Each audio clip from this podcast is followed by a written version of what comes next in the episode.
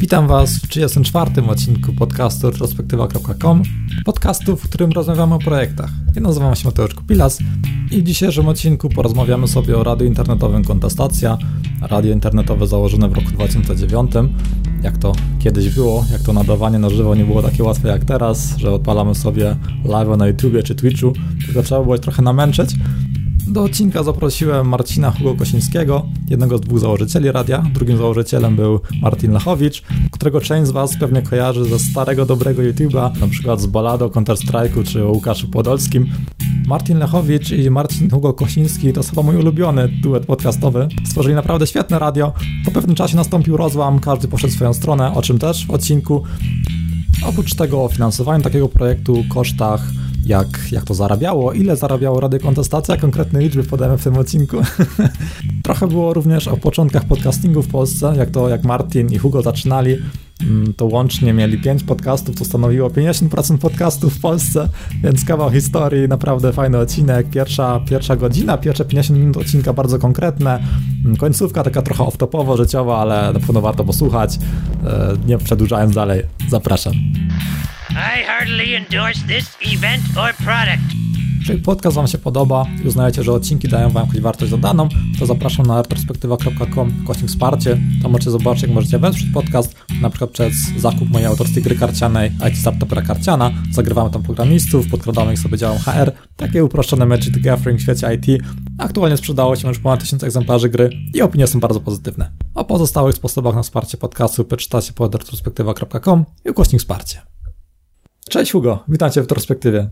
No dzień dobry panu, witam serdecznie. Przedstaw się proszę, kim jesteś, czym się zajmujesz. No słuchajcie, no Marcin Hugo Kosiński, w, jak najbardziej popularny, znany jako twórca radia Kontestacja. To jest takie radio e, kontestacja.com dla przedsiębiorczych wolnorynkowców albo dla wolnorynkowych przedsiębiorców, e, które stworzyłem z moim przyjacielem 8 lat temu. E, potem się rozstaliśmy, no i ja to przejąłem, ten projekt, ale robię parę innych fajnych rzeczy, które mam nadzieję, o których mam nadzieję, że powiemy w dzisiejszym programie. Będziemy właśnie rozmawiać o projekcie, jakim jest kontestacja. Słuchałem chyba od, nie wiem, 2009, to prawie od samego początku. E, no, początek. Jest to taki bardzo taki no, ważny projekt w moim życiu, dużo tych audycji miało na mnie spory wpływ. Tak chciałbym być przedstawił słuchaczom, czym jest kontestacja, co to jest za projekt. To jest coś, co nie ma jakby żadnego e, schematu, wzoru w innych miejscach. Znaczy, że zwykle ludzie kopiują e, z z Ameryki, no, ze Stanów Zjednoczonych, jakieś tam formaty, które się tam pojawiły. E, no my nie skopiowaliśmy, bo nie mieliśmy z czego. Chcieliśmy bardzo skopiować, ale się nie dało, bo nie było. E, chcieliśmy zrobić takie radio, które jest wolnościowe, które jest wolnorynkowe, które głosi takie idee, które e, są na bakier z dzisiejszym jakby trendem i wczorajszym też umysłowym w Polsce. Ale z drugiej strony nie chcieliśmy jakby się napinać specjalnie, tylko chcieliśmy zrobić taką też treść przydatną przedsiębiorczości w Polsce. Znaczy, żeby sprowadzić przedsiębiorców, żeby oni powiedzieli, e, co jest fajne, co jest niefajne, jak należy robić, jak nie należy robić e, i żeby to się wszystko jakby razem wspinało. Czyli tak zupełnie wbrew temu, co jest w trendzie, i dzisiejszym tym prawicowym, tak zwanym, i w, we wcześniejszym tak zwanym lewicowym, też tak zwanym e, trendzie w, w tym kraju. No i myślę, że to się udało. Znaczy, że nie mieliśmy żadnych jakichś takich wzorów. Mieliśmy takie radio Free Talk Live, to się nazywało, wciąż jest w Stanach Zjednoczonych i oni tam dużo mówią o wolności no i tak w 30% się na tym oparliśmy. Ale poza tym, no to, to wiecie, no kontestacja.com, to, to sobie po prostu wygooglujcie, no tam jest 5000 audycji teraz. No to właśnie kojarzyłem, że Free Talk Live to, było taki, to był taki najbardziej podobny projekt, który kojarzyłem właśnie podobny do kontestacji. Jeszcze chyba kiedyś znalazłem e, na YouTubie mm. Freedom Tunes, nie wiem czy kojarzysz, Freedom Tunes to jest taki, taka, takie kreskówki e, wolnościowe, też właśnie takie bardzo, bardzo, bardzo podobne tematy kontestacji poruszają. I też mi się właśnie no to... skojarzyło, bo też właśnie główne, główne finansowanie u nich to jest z Patronite'a, że też koleś robi, jak, nie ma chyba własnych produktów, tylko robi jakieś komiksy związane z ideą wolnościową i jakoś finansuje to społecznościowo, to tak chyba podobnie jak u was. No to jakby zrobiliśmy tutaj obok już tam jakiś czas, dużo, dużo później, zensarkazmu.pl I, I, to jest taki właśnie komiks. O twoim nie słyszałem, znaczy w sensie o, o tym nie słyszałem, ale zrobiliśmy taki mikrokomiks właśnie, który, z którego się tam ludzie bardzo zajawili, tam kilkadziesiąt tysięcy ludzi na, na fanpage'ów i w ogóle i tak dalej. I chcemy z tego grę zrobić teraz w końcu, w, po, po wielu, wielu, wielu latach. I w, mam nadzieję, że w tym roku uda się ją w, jakby wstępnie odpalić. E, więc e, no to no tak, no jakby to wokoło tej tematyki krąży. Mhm. Wracając do projektu kontestacji, e, czyli tak w dużym skrócie można powiedzieć, jest to radio wolnościowe, nie, nie identyfikujecie się tam w 100% tutaj prawica, lewica, bo w ogóle te pojęcia są takie mega rozmyte współcześnie, no, no, no. połączone z przedsiębiorczością, tak, tak można to w skrócie określić, czy coś tutaj pomyliłem? Nie, no tak, tak, znaczy jakby nie koncentrujemy się na przedsiębiorcach wbrew pozorom, tylko na ludziach przedsiębiorczych. Znaczy, że bo, bo ludzie jakby mają w Polsce w, narzuconą taką narrację przez media główne, wszelkie, czy państwowe, czy po, pozapaństwowe, że jest, jest przedsiębiorca, ten, ten biznesmen, taki właśnie. Taki zły prywaciarz. E, tak, ten, ten, który dba tylko o pieniądze. E, jest ten najemnik, czyli ten pracownik, który według nich nie dba tylko o pieniądze. nie, nie wiem o co on dba, znaczy, że on, on, on dba jakieś wyższe ideały i tak dalej, nie? Że, że mi się tak jakby układa w drugą stronę, znaczy, że jednak ten pracownik, znaczy będąc e, po wielu już rozmowach kwalifikacyjnych po obu stronach barykady, no mam wrażenie, że jednak ten pracownik dba głównie o pieniądze, o to, że, że on chce tam, wiesz, e, ile pan mi da, nie? A ten pracodawca, który już ma te pieniądze, bo je zarobił w jakiś tam sposób wcześniej, to on już chce rozwijać jakąś ideę, jakiś projekt, jakieś coś, coś, co mu się tam urodziło, tak? Że, że niekoniecznie mając na koncie e, pół miliona złotych, chce mieć e, pół miliona złotych plus ćwierć miliona złotych. Znaczy, że on chciałby jednak e, coś takiego większego zrobić, coś takiego fajnego i tak dalej. Znaczy, że mam wrażenie, że przedsiębiorcy jednak bardziej dbają o ideę, a nie o pieniądze, niż pracownicy. Dlatego kierujemy to też, to radio, do, do którego zapraszamy, no jeżeli ktoś jest chętny, jak ktoś, ktoś jest niechętny, to nie, żeby no, się zapoznali z jakimiś tam metodami zarządzania i tak dalej, ale też czymś takim, co my nazywamy właśnie ideą, żebyście wy mogli dzięki swoim pieniądzom, które zarobiliście, które zarobicie być może, e, rozwijać swoje projekty, o których marzycie zawsze. No to, to nie wiem, czy nie za bardzo zamotałem. Znaczy tak dobrze to chyba zrozumiałem, że dla ludzi przedsiębiorczych, e, którzy niekoniecznie tak. są, i to, to nie jest to samo co przedsiębiorcy, tak jak, tak jak już mówiłeś. Tak, znaczy jakby, y, no, z, z prostej tej, tej piramidy, nie? Y, że w, najpierw musisz za, za, zarobić na to, żeby zjeść. Nie, spoko, ale że jakby żyjemy w kraju pierwszego świata już teraz, e, w, zjeść zawsze możesz gdzieś, nawet w przytułku dla bezdomnych dadzą ci. E, ubrać się możesz w szmateksie za złotówkę za ciuch każdy na to zarobi. No i potem wchodzą wyższe potrzeby, żeby właśnie się samorealizować, żeby robić coś e, więcej. Więc my kierujemy nasz przekaz do tych, którzy chcą zrobić coś więcej, a nie tylko tych, którzy chcą się położyć przez, przed telewizorem, e, w, kupić sobie to piwo, już teraz mocno akcyzowane za 3 zł z kawałkiem e, i żeby, w, nie wiem, przeczekać do kolejnego wieczora. Większość słuchaczy, e, większość słuchaczy retrospektywy to są osoby techniczne. E, gdybyś tak przedstawił, mhm. jakie to są bebechy tego projektu, czyli radio, radio internetowe kontestacja, jako strona internetowa, jako serwis i też jako coś, co nadaje live, jakie tam technologie stoją, nie tylko te związane z programowaniem, tylko może też to związane e, z generalnym radiem internetowym. No więc radio powstało 8 lat temu ponad, więc to była, to jest coś, co ludzie bardzo rzadko dzisiaj zauważają. Znaczy, że, bo, bo ja prowadzę teraz taką, e, taką firmę Kosińscy IT, e, która się zajmuje jakby pracą nad testerami e, w internetu. Nie internetu, tylko softu. I widzę pewną korelację, znaczy, że ludzie mają pewną wizję świata z wczoraj. E, a w IT no, nie można mieć wizji z wczoraj, trzeba mieć z dzisiaj, z teraz. E, I e, my w takim razie, jeżeli my zaczynaliśmy w kontestację w lat temu właśnie ponad 8, bo trzeba było to wszystko oprogramować i tak dalej, to była zupełnie inna sytuacja. I teraz do rzeczy. Musieliśmy wtedy zaprogramować na przykład główny serwer, silnik i tak dalej na jakimś tam głównym serwerze, który miał ograniczenia w, w transferze.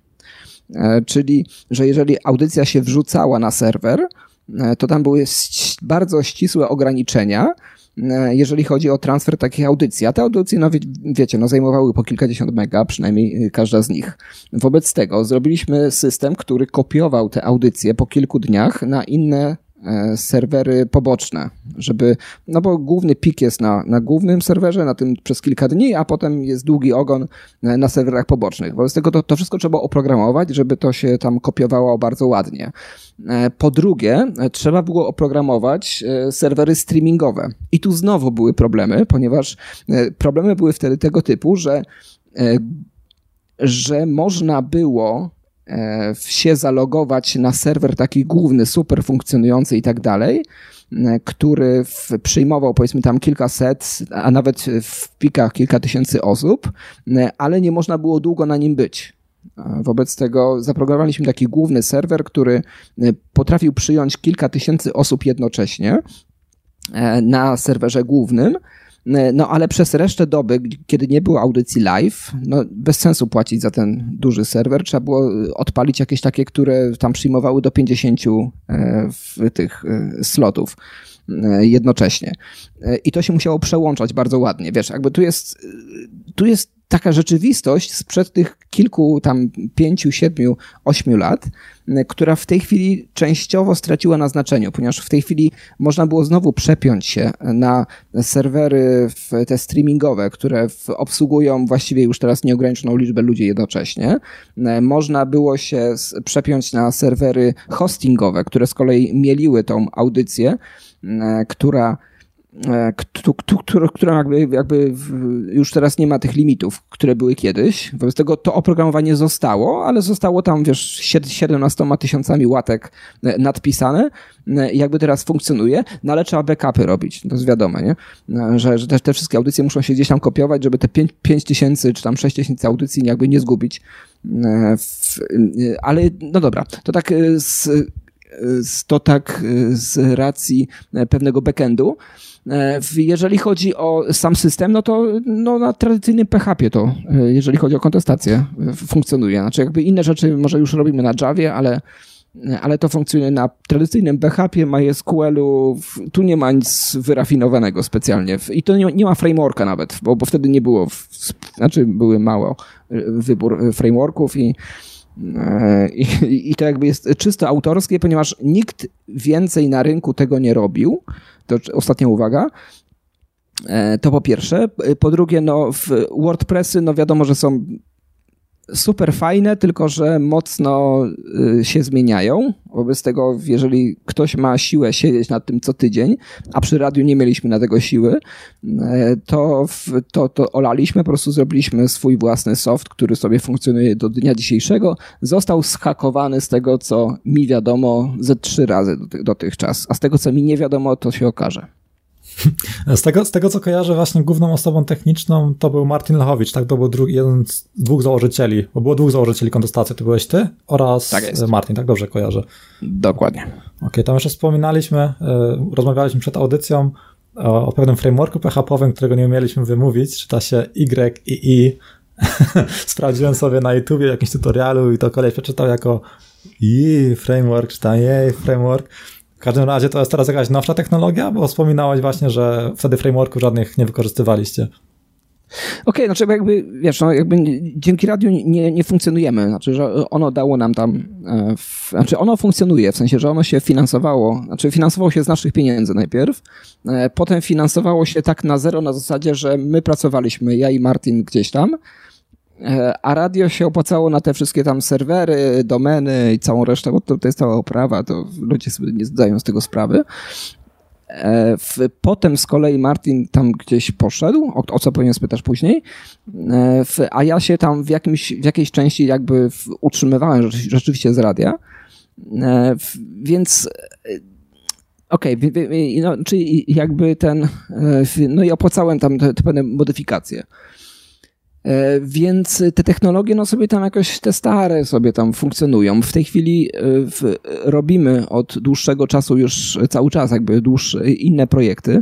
E, więc w tej chwili, no jeżeli cię to interesuje, no to e, przy tym, przy tym projekcie e, w najnowszym, no to tak, tego, tego i jakiejś tam używamy, tradycyjnego HTML-a i tak dalej. Przy programie z kolei, który który rozwijam do ćwiczenia właśnie testerów oprogramowania, no to już klasyczna, tradycyjna Java wszędzie popularna e, i, i bardzo droga e, to też jest jakby stosowana. Także ta technologia, no wiesz, tak sobie funkcjonuje. Znaczy, że strasznie trudno jest wprowadzić coś nowego e, do z starych projektów. Znaczy jeden z moich projektów, który robiłem, no to zrobiłem na Pythonie. Po prostu programista mi, mi, powiedział, że słuchaj stary, ja ci to myknę w dwa dni na Pythonie, a jak gdzieś indziej, to będziesz się z tym pieprzył. No i myknął mi to w dwa dni, rzeczywiście. Znaczy to projekt już nie istnieje teraz. No dokładnie, no, ale... jest dużo starych technologii, masa na pewno długu technologicznego i teraz to prze, prze, ogóle jakoś zmienić, żeby to w czymś nowszym działało, to by było teraz pół roku pracy czy więcej. No tak, no wiesz, no, ma, mało kto, wiesz, ma, ma właśnie dokładnie kilka stów, no w sensie kilkaset tysięcy, e, na, na wypieprzenie w, w, jakiś projekt, żeby, że, a, żeby to, i tym bardziej, że ludzie tego nie zauważą, nie? że tak, tak aż tak bardzo, że... Dokładnie, okay, będzie to... działało 10% lepiej, a koszty was rujnują. Dokładnie, no jakby prze, przepięliśmy się na nowy serwer, e, tam z miesiąc temu czy dwa. Ludzie tego nie zauważyli, ponieważ no, działa częściej niż działało poprzednio. nie, że działa na 100%, bo, bo nie, bo, bo wciąż widzę tutaj pady, e, ale okej, okay, ale działa. Także no nie, że to, że ludzie tego nie docenią, znaczy, że nie, nie, że się skarżę, nie? tylko że e, strasznie trzeba być uważnym na tym, że gdzie wypieprzyć kolejne ćwierć bańki, bo to dużo. Znaczy, ja, ja tego nie mam, ćwierć bańki, w ogóle nie, nie mam tego dylematu, ale jakby ktoś miał ten dylemat, e, to warto zauważyć, czy te ćwierć bańki na pewno warto wy, wypieprzyć w taki projekt, czy nie coś przygotować obok, czy e, no, no okej, okay, no, ale to już kwestie indywidualne. E, co do tego, jak długo pracowaliście nad pierwszą wersją kontestacji, po prostu od zera macie pomysł na kontestację i teraz mhm. by tą początkową pierwszą infrastrukturę, co on zbudować, ile to trwało właśnie od pomysłu, aż do takiego pierwszej wersji, aż mogły się pojawiać te pierwsze audycje i tak dalej, ile to mniej więcej trwało?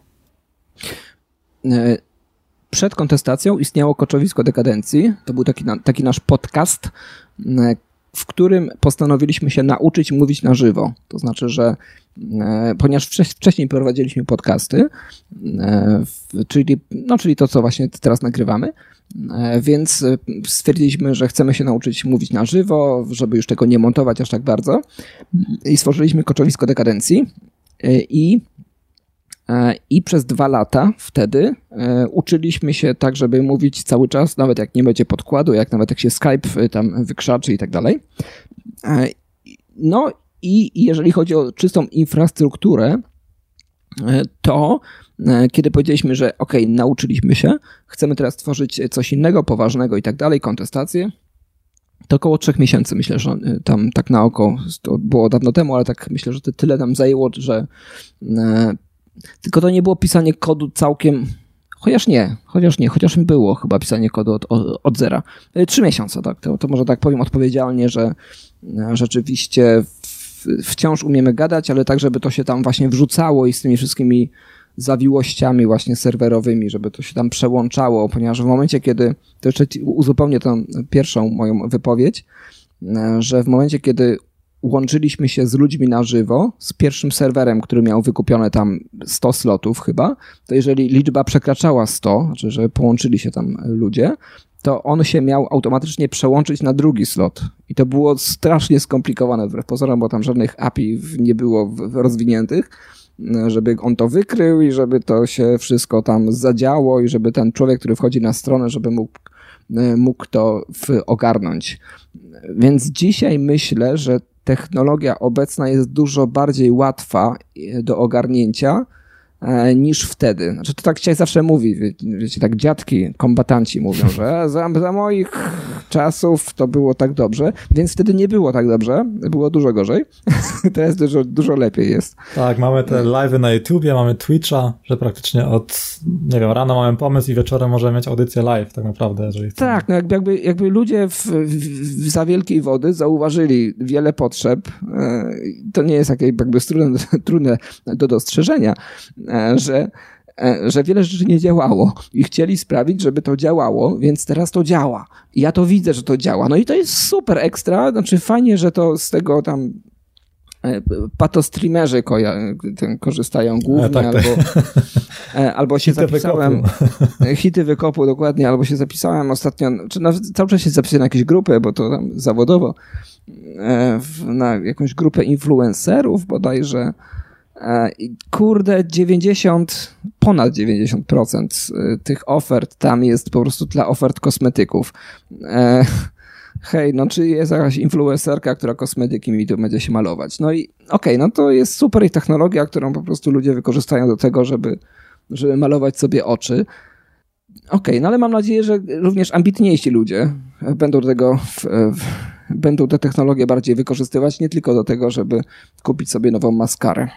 Chciałem właśnie zapytać, już wspominałeś, że miałem zapytać o tą e, rozłąkę z Martinem, bo w dwójkę zakładaliście kontestację i po jakimś czasie e, rozeszliście się na, e, na osobne radia, ty zostałeś przy Radiu Kontestacja, a Martin założył sobie enklawę. Gdybyś mógł ten temat tak poruszyć, o co tam chodziło? Mam wielu nau nauczycieli, tak powiem, znaczy ludzie mówią po nowocześnemu mentorów, ale osoby z, naprawdę, z których, z których wiedzę się dużo nauczyłem. Czy to jest Tad Witkowicz, czy to jest Krzysiu Habich, świętej pamięci. Jeden z nich, już nie pamiętam, który powiedział kiedyś, że spółki rozpadają się maksymalnie po pięciu latach. Że nie należy planować, że jeżeli założysz z kimś spółkę, to ona przetrwa więcej niż pięć lat. I tak wtedy zakładaliśmy, czy ja zakładałem, że ona tyle przetrwa. Przetrwała lat kilkanaście, bo robiliśmy y, inne projekty również wcześniej, przed kontestacją, przed, tym, przed tą ośmiolatką. Ale kontestacja się właśnie tak y, rozpadła, tak mniej więcej koło tego wieku, y, w tam pięciu lat, nawet trochę wcześniej. Mm, więc jakby tutaj nie ma niczego dziwnego. Znaczy, że on miał inną wizję tego. On chciał, żeby radio było rozrywkowe, żeby ludziom dostarczać fanu, a ja, a ja myślałem, żeby dostarczać ludziom wiedzy właśnie w ekonomicznej, tak nazwiemy, no, przedsiębiorczej, górnolotnie. No i to się jakby tam rozmywało trochę, no, bo on chciał właśnie iść w tam w taki cyrk trochę, a ja chciałem iść taką troszkę powagę, ale taką luźną powagę, nie, nie taką w korpo powagę. No i wiecie, jak to jest w, w, firmie albo w związku, wiecie, no, w małżeństwie też tak bywa, nie? Że, że po prostu kłócicie się, kłócicie się, kłócicie tak często, że w pewnym momencie mówicie, że no on, albo coś z tym zrobimy, z tą kłótnią, albo może róbmy swoje rzeczy osobno. Więc to nie było małżeństwo, tylko to była firma, więc Naprawdę no, łatwiej się je. tak. Spółka no, też trzeba może... uregulować później pewne rzeczy, że są tu pewne podobieństwa, myślę, w spółce i w małżeństwie. No szczególnie, że właśnie teraz te, te kosińscy IT robię, co jak nazwa wskazuje, to jest taka spółka rodzinna, e, więc to się jakby już zbierając te wszystkie doświadczenia z poprzednich doświadczeń, to jest taka właśnie spółka rodzinna, więc jest jednocześnie i relacje wzajemne, i relacje firmowe. O, to jest jeszcze głębszy problem, ale to może powrócimy w następnym nagraniu o tym, bo to jest bardzo ciekawe. E, więc jakby postanowiliśmy się rozstać, że w mar... znaczy mieliśmy pół na pół. E, w... Nie, nie, nie, wróć. Nie, przepraszam. Mieliśmy, ja miałem większość udziałów, 51, on miał 49. E, ponieważ sprzedałem mu wcześniej jakieś tam inne serwisy, które razem robiliśmy, za ten 1% właśnie, e, więc jakby ja miałem pole wyboru.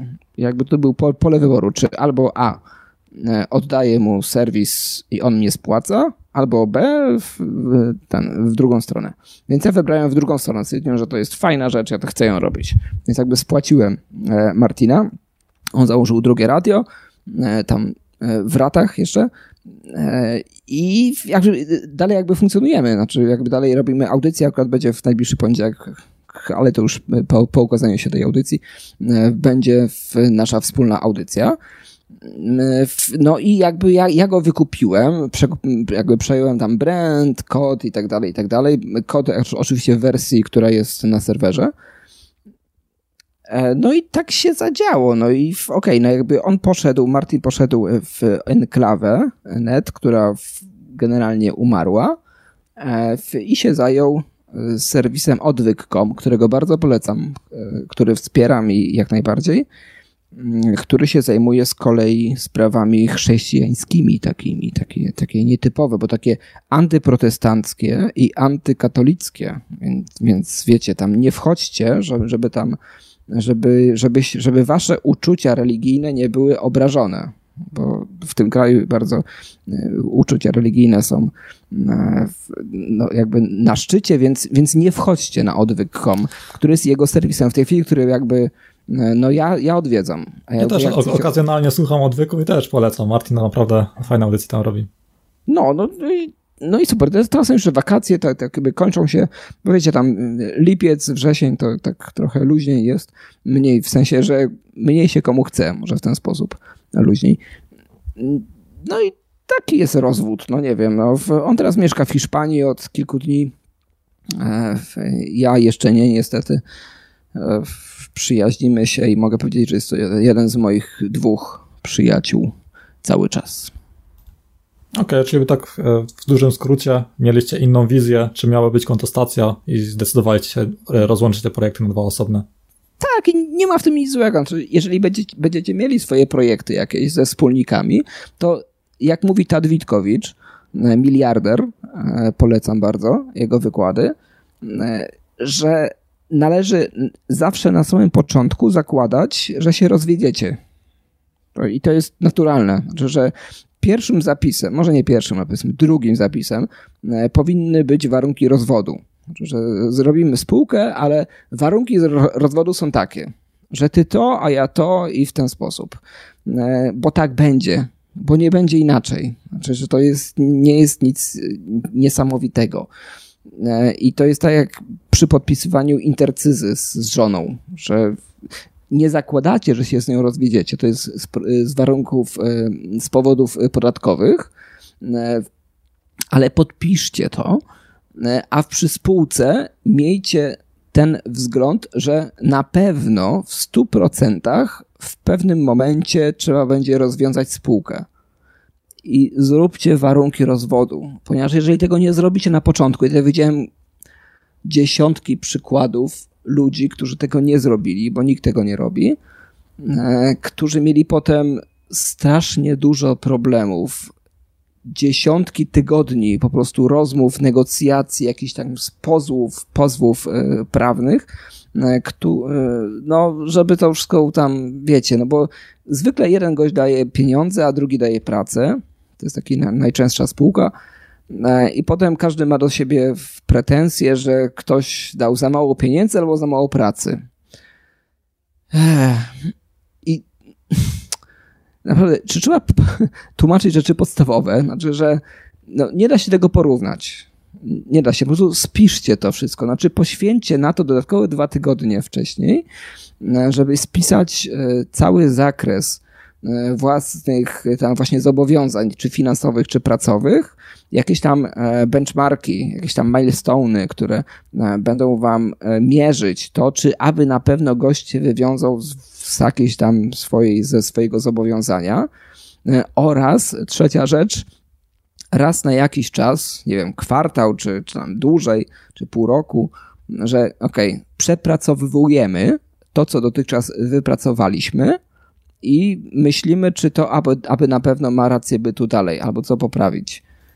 No, no. to, to, z tymi warunkami rozwodu to jest myślę taka no, bardzo ważna rada, e, której tak naprawdę no, przy, wiele razy o tym słyszałem, ale to jest chyba tak jak właśnie jak z programowaniem i brzydkim kodem, że na przykład te wszystkie wzorce projektowe, coś takiego, jak to się jako początkujący programista widzi, to, to się myśli, a po co mi to jest potrzebne? I chociaż wszyscy o tym trąbią, to i tak dopiero to dotrze do tego łba, jeżeli faktycznie sam się zakopie w swoim kodzie, że to będzie już nierozwijalne, i podobnie chyba jest w biznesie, że tu wszyscy mówią, jak to powinno się robić, a tak naprawdę, jeżeli sami tych błędów nie popełnimy, no to bardzo trudno właśnie tak robić od początku solidnie, właśnie z warunkami rozwodowymi w takiej spółce i tak dalej. Takie mam doświadczenia. I znaczy jakby o, o, to powinien ktoś dbać. Znaczy zawsze o wszystko ktoś powinien dbać, y, komu zależy. Y, I jeżeli to jest inwestor, no to inwestor, stary, no dajesz ten tam 100 tysięcy złotych, milion złotych czy ileś, dbaj o to, żeby to było zadbane. Jeżeli to jest rzeczywiście taki układ partnerski, że jest pół na pół powiedzmy, plus minus, no to to wy o to dbajcie, obaj. Znaczy, że zwykle jest tak, że jest jeden gość kreatywny, a drugi taki systematyczny. E, no to uwaga, e, ten systematyczny powinien o to, o to zadbać. Znaczy, że kreatywny niech się, niech się rozwija, a systematyczny, stary, to w twojej gestii jest to, żeby właśnie zadbać, że, że to ma być usystematyzowane, tak się to mówi. Tak, dokładnie. E, e, I daj mu się rozwijać. On podpisze ci cokolwiek, bo on ma to w dupie generalnie. Jakby kreatywny, że no dobra, dobra, nie? podpisze tam Ko Kosiński, nie? E, I, więc to jest twoja rola, no, bo, ponieważ kiedy dojdzie do jakichś punktów sporu, ten kreatywny pomyśli sobie, że chcesz, że systematyczny go chce go zrobić w uja, e, to może nawet weźmie sobie prawnika, a ten prawnik taki żądnej krwi, nie zapoznany z żadnymi warunkami, zacznie weryfikować tę umowę i znajdzie tam 300 tysięcy wyjątków od reguły, które należy zakwestionować. To jest niedobry moment, no wtedy jest konflikt i to wszystko się ciągnie i tak dalej. Zróbcie na początku, no nie wiem, czy jest takie trudne, no postawcie sobie pomiędzy sobą taką barierę, że słuchajcie, robimy projekt, on za kilka lat prawdopodobnie wypali, bo jak nie wypali, no to już to mniejsza o to, ale jak wypali, e, no to coś z nim zrobimy. Więc ustalmy teraz warunki, bo być może go sprzedamy, być może go będziemy dalej rozwijać i tak dalej, ale żeby był jasny bardzo w podział. I to naprawdę, no przy startupach, które trwają, no wiem, według tam definicji amerykańskich książek 3 lata, ale według definicji polskich doświadczeń 5 lat, e, e, poświęcenie dodatkowych dwóch tygodni oraz wyrzucenie 3000 złotych powiedzmy na, na dzień dzisiejszy w prawników, prawnika, prawników, e, ale jak już wiecie o co wam chodzi, e, to naprawdę nie jest duży koszt. No to niestety, sorry, no wrzućcie ten roczny koszt tam serwerów czterech w to, bo jak nie, to będziecie mieli problem później, no ale to już wasz problem. Tu myślę pokrewnym e, pytaniem, właśnie teraz do następnego pytania, do którego chciałem przejść, jest właśnie ten model biznesowy, e, monetyzacja, finansowanie projektu, właśnie jak, czy był jakiś model e, biznesowy kontestacji, czy był to głównie ideowy projekt, jak, jak właśnie wyglądała monetyzacja, jak to ma zarabiać, czy kontestacja zarabia i jak był finansowany? Oj, ale dużo pytań. Jaki był model biznesowy? Nie było, więc to jakby rozwiązuje większość kwestii. E, Martin pracował wtedy, już nie pamiętam w tej chwili gdzie, ale pewnie programował gdzieś. E, w, w, w ja kolei... chyba programował z tego, co kojarzę, tak gdzieś mi się mówiło o uszy. Z piosenek na pewno. E, I, i tworzył, no, i śpiewał. A, a, a ja z kolei robiłem projekty. Kurde, teraz już nie pamiętam dokładnie jakby z samego początku. Nie, nie, a nie, swój pamiętam. Ja pracowałem w Interi, wtedy w Interia.pl taki, taki jeden z portali. E, kiedyś nie z głównych, teraz chyba tam w czołówce gdzieś. E, I tam miałem pieniądze, plus tworzyłem właśnie kontestację obok i ją rozwijaliśmy. I to chyba były tylko moje. To był model biznesowy kontestacji, żeby, je po prostu, żeby ją po prostu robić. No i potem doszliśmy do takiego momentu, kiedy jakby przychody wzrosły rzeczywiście to tam, jakby konkretnie jakby to 5 tysięcy złotych miesięcznie bodajże, no tam wtedy koszty wynosiły, y, serwer, y, techniczne takie koszty wynosiły w 2000 czy coś, jakoś tak, tak w tych, tych ramach. E, wobec tego wypłacaliśmy sobie dywidendę e, w wysokości 1000 x złotych miesięcznie. Jest to ten rząd wielkości, żebyście mieli jakby e, pogląd. E, mieliśmy tam spółki, spółkę brytyjską wtedy, e, więc to tak by też często to szło, no i wiecie, na te wszystkie prowizje, na te, te wszystkie tam Tipeee i tak dalej. E, no i był problem w momencie, jak się rozstaliśmy już, żeby, no okej, okay, no, czy, skoro to przynosi, powiedzmy, ten, ten, te 2000 złotych, e, tak to nazwijmy, tam jest spłacany Martin we tle, czy przeskoczyć na wyższy próg, czy jakby zostać na tym etapie, który jest taki trochę, że no wiesz, no jakby Mateusz, sami powiedz, co byś zrobił, jakbyś zarabiał 2000 zł dzisiaj? No to znaczy, czy, czy porzuciłbym to i robił coś innego, czy, czy o co teraz dokładnie pytasz? No właśnie, no okej, okay. masz pracę, mhm. masz pracę, która daje ci 2000 zł polskich netto e, na rękę. Co robisz? Zależy od tego, czy mi ta praca sprawia satysfakcję i na ile jest rozwojowa. Czy jest to po prostu tam pierwszy etap? sprawia ci satysfakcję, a nie wiesz, czy jest rozwojowa. No trudno powiedzieć. Najprawdopodobniej myślę, że szukałbym tak sobie na spokojnie, na, e, po cichu czegoś nowego, a ciągnąłbym tą pracę, póki, e, póki niczego lepszego nie znajdę, tak bym myślę zrobił. No i to jest dobre podejście.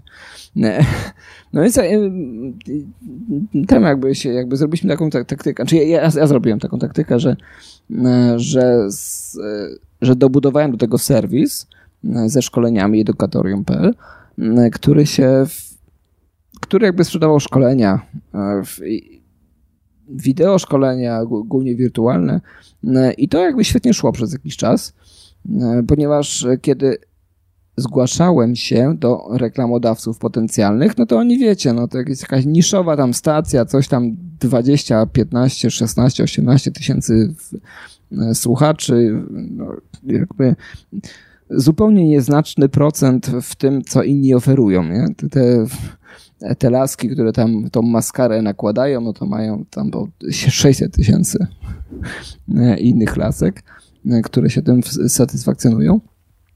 E, więc musiałem coś takiego stworzyć. No i to był model biznesowy przez długi czas, że, że tak to funkcjonowało.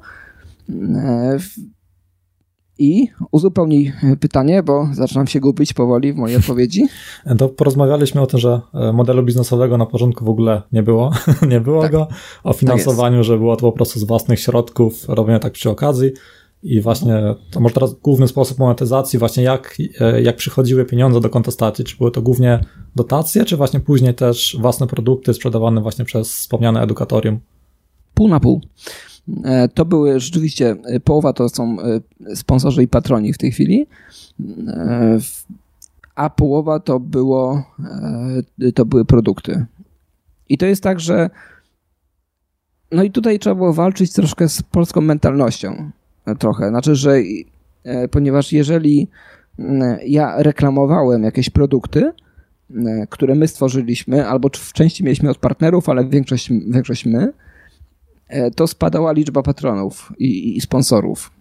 E, I to jest jakby, okej, okay, to jest jakby trochę frustrujące z drugiej strony, że, e, że ludzie nie rozumieją, że taki projekt powiedzmy wynosi, zaokrąglimy w tej chwili 10 tysięcy złotych miesięcznie, żeby, żeby go utrzymać i rozwijać jeszcze, nie tylko utrzymać, tylko rozwijać.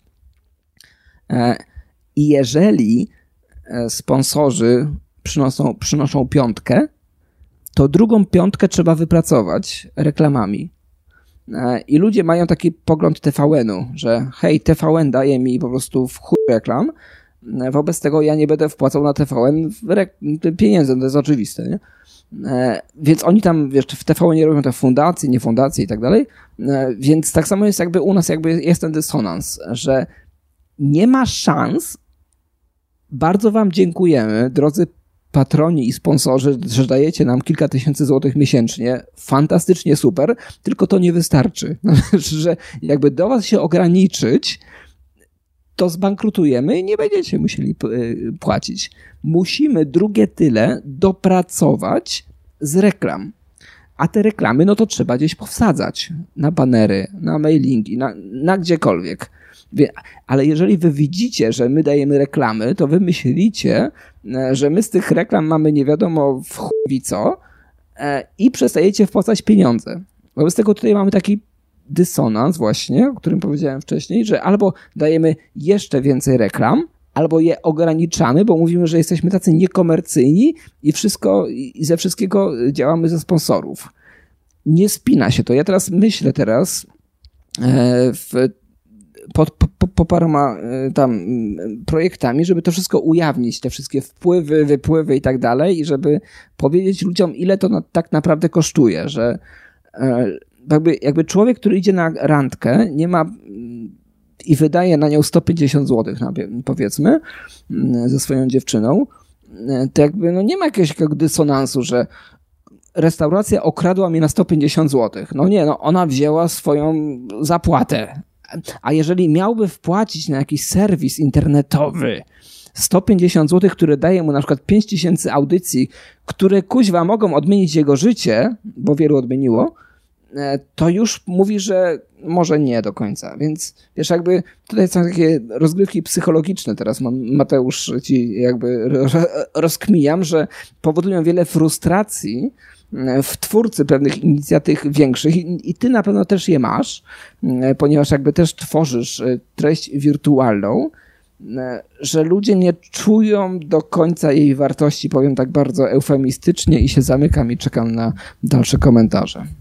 Też tak zauważam, zauważam właśnie, że to się trochę zmienia, że kiedyś, jeżeli ktoś otwierał, może kiedyś jeszcze nie było rzeczy typu Patronite, crowdfunding też nie był taki popularny jak dzisiaj, ale na przykład chyba było bardzo głośne, był taki jakiś koleś na YouTubie, on tam e, składał komputery, e, nie pamiętam jak się teraz nazywał, Kamil Scheid czy jakoś tak, coś w tym mm. kierunku i on, on kiedyś, pamiętam, zbiórkę odpalił na, na nowy komputer, bo mu się spalił, gdzieś tam była jakaś informacja, że dobrowolnie można wpłacić, a jak nie chcesz, to nie. I pamiętam, że ogromna gównoburza przez to była, że jak to, ty tu miliony z YouTube'a zarabiasz i jeszcze chcesz żebrać na nowy komputer, coś takiego tam było. A teraz e, Krzysztof Gonciarz, czy ktoś otwiera Patronite'a, nagle zarabia jakąś grubą kasę z tego i wszyscy mówią, no dobrze, niech ma, że jednak to podejście się zmienia, że to, myślę, idzie teraz w dobrym kierunku. I też jak, tak, jak, tak jak ty zauważasz, że ludzie przeceniają, ile w ogóle, e, ile się zarabia właśnie z tej reklamy w internecie, też myślą, że ktoś na YouTubie ma ileś tam wyświetleń, że to, że to są miliony, a tak naprawdę na przykład ten, ten Google AdSense na YouTubie to nie wiem, jakie w Polsce są realia, jeszcze jest dużo e, ludzi z adblockiem, że jak ma się milion wyświetleń na filmie, to ludzie myślą, że jest bogaty, a to jest z AdSense'a, nie wiem, z tysiąc złotych.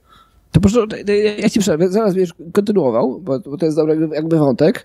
E, ja nie wiem, ile się za AdSense'a, ponieważ e, już dawno temu ten, to zlikwidowałem, ale wiem, jakie mam koszty. Znaczy, że wiem, że jakby trzymanie bazy mailingowej płacę 1000 zł miesięcznie z samego trzymania. Czyli jak go wykorzystuję, to spoko, jak, jak nie, to nie.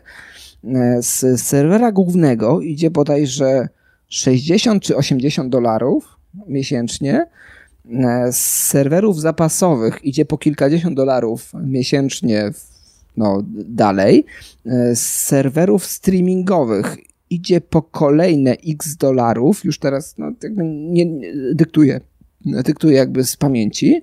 E, następnie są, jest, jeszcze jest jakiś serwer czatowy jest, e, są chmury, e, które trzeba opłacić, są, jest Skype, Skype jest jakby w, numer trzeba płacić na przykład, są co my tam jeszcze płacimy? Sam muszę. A, za, za stok ten stok fotograficzny też trzeba płacić.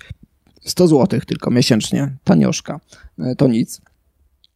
E, i parę innych rzeczy, nie? Że jakby zebrać to wszystko, plus jeszcze później dopłacić, czy e, jakby ludzie, którzy nad tym pracują, czy mają coś z tego dostawać, czy nie, czy mają za free pracować. Znaczy, że nie wiem, mają się żywić powietrzem, powiedzieć gościowi, który przychodzi po czynsz, że e, że, że, że, że nie, że nie zapłacę, bo ja teraz tutaj jestem, ten, nadaję. Więc jakby no, trzeba zapłacić ludziom, którzy przy tym pracują w jakiś sposób, bo, bo, bo nie widzę innego, e, i, innego powodu, żeby to, zrobić. I, i, tu, I tu mówię tylko o utrzymaniu stanu aktualnego, e, który powoduje, że czasem się coś, się coś wysypuje, bo się coś wysypuje, musi gość z supportu przyjść i powiedzieć, Byte Eater jest naszym gościem supportowym, który przychodzi i, e, i naprawia. Znaczy, że nie wiem, on też ma żyć za nic, e, i tu nie, nie mówię o rozwoju, E, tu mówię tylko o utrzymaniu stanu faktycznego, że jeżeli chcielibyśmy zrobić coś nowego, no to, to kolejne pieniądze. To nie, że pieniądze, kolejne ponad to, co jest. E, już pomijam tutaj, już teraz znowu ostatnie zdanie, jakieś takie stawki całkiem prowizyjne, typu, że właśnie, że jeżeli jest pośrednik płatności, to on bierze kilka procent od każdej płatności. Dokładnie, jeżeli PayPal jest... szczególnie mocno, mocno kosi. No, korzystamy z niego w tej chwili, więc nie będę komentował. Ale no, jest też księgowość cała. No, jakby to jest wszystko pod firmę robione. No, wiecie, no, jeżeli nie chcemy, żeby nas najechało CBA, i tak może nas najechać, ale, ale jakbyśmy nie chcieli, żeby tak za szybko, no to jest również księgowość. No, to, to też kosztuje. No, to, to jakby e, prowadzenie firmy kosztuje no kurde, no to wszystko kosztuje naprawdę. No to jeżeli człowiek, który jest na etacie, który ma jeden rachunek, że hej, dostaje 5800 wypłaty i nic mnie nie interesuje, to jego nic nie interesuje, ale myślę, że to, ta audycja skierowana do osób no bardziej tam wzniosłych intelektualnie, ciut bardziej i wie, że to wszystko się wiąże, że żeby ujrzeć na własnym koncie wypłatę 1000 złotych, to piątka pójdzie w gdzieś tam pójdzie, nie wyrażając się wulgarnie. I już skończyłem. Tu można jeszcze jako kontekst dodać, bo właśnie wspominałeś o tej bazie mailingowej i myślę, osoby, które takich mailingów nie wysyłają, to dla nich to może być takie trochę dziwne, że jak tu płaci się za mailing, chodzi o to właśnie, że mając taką dużą bazę mailingową, by to wysyłać masowo, by to nie trafiało, e, by to trafiało faktycznie do ludzi, a nie do tych skrzynek spamowych, to te usługi trochę kosztują i tak właśnie, by podać trochę kontekstu, by to lepiej sobie wyobrazić, E, z tego co kojarzę, kiedyś widziałem tweeta od Michała Szafrańskiego od jakoszczędzać i on tam pisał, że rocznie za obsługę bazy mailingowej płaci około 100 tysięcy złotych rocznie, e, tyle płaci za, za swój mailing, więc można sobie wyobrazić, że przy większej skali taki mailing trochę kosztuje. E, dużo kosztuje. Dużo kosztuje i tak samo jak dużo kosztuje w, wszelka obsługa księgowa firmy. Nawet jak się ma w Wielkiej Brytanii, czy ma się ją w Polsce, czy gdziekolwiek. E, no, to dlaczego obecna władza ma duże poparcie, e, wynika z tego, że ludzie nie mają świadomości, ile to wszystko kosztuje. E, a to, ile to wszystko kosztuje cały ten system, mają świadomość tylko przedsiębiorcy, którzy się swoimi pieniędzmi roz, rozliczają.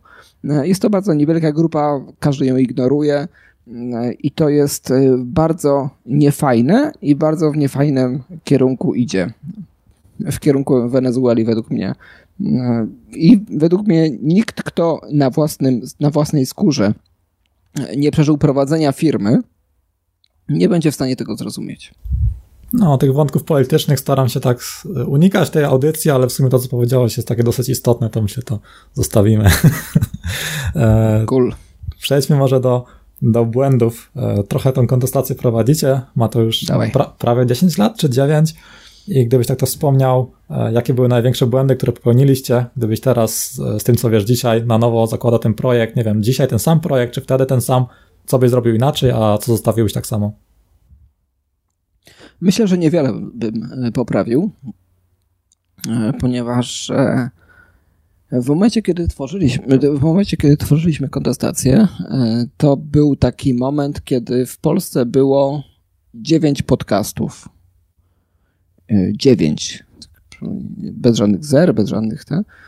E, I z czego trzy prowadził Martin, czyli współtwórca kontestacji, a ja prowadziłem jeden. Czyli mogę z pełną świadomością powiedzieć, że w momencie, kiedy tam w tym okresie e, tworzyliśmy kontestację, e, prowadziliśmy połowę podcastów w Polsce prawie. E, Czyli I, potęga, 50% podcastów Hugo Tak, 50% rynku, wiesz, market tak. share, wiesz, w ogóle miliony, miliony na koncie. I no i, no i, no i stworzyliśmy, no, znaczy, bo, bo nie było żadnego iTunes, nie było żadnego tam, w, wiecie, agregatorów, które tam y, sobie tam gromadziły te swoje podcasty. Y, więc my zrobiliśmy coś takiego, tam zsynchronizowaliśmy, żeby tak było w, w przedsiębiorcze, wolnościowe i tak dalej. Y, Jakie było pytanie? Czekaj, takie konkretne? E, o pytanie o błędy, czyli. O, o, o błędy, o błędy. Tak, okay, gdybyście dobra, zaczynali dobra, od nowa, co tam inaczej i jakie największe błędy popełniliście? Wtedy nie. E, wtedy jakby nie, nie popełniliśmy większych błędów według mnie. E, potem trudno powiedzieć, która, które decyzje były błędne ponieważ my postanowiliśmy na pewnym momencie etapu rozwoju ograniczyć się rzeczywiście, żeby nie wpuszczać każdego, tylko żeby ograniczyć się do ludzi, którzy są kumaci e, i do ludzi, którzy tam e, funkcjonują w naszej tam niszy tematycznej.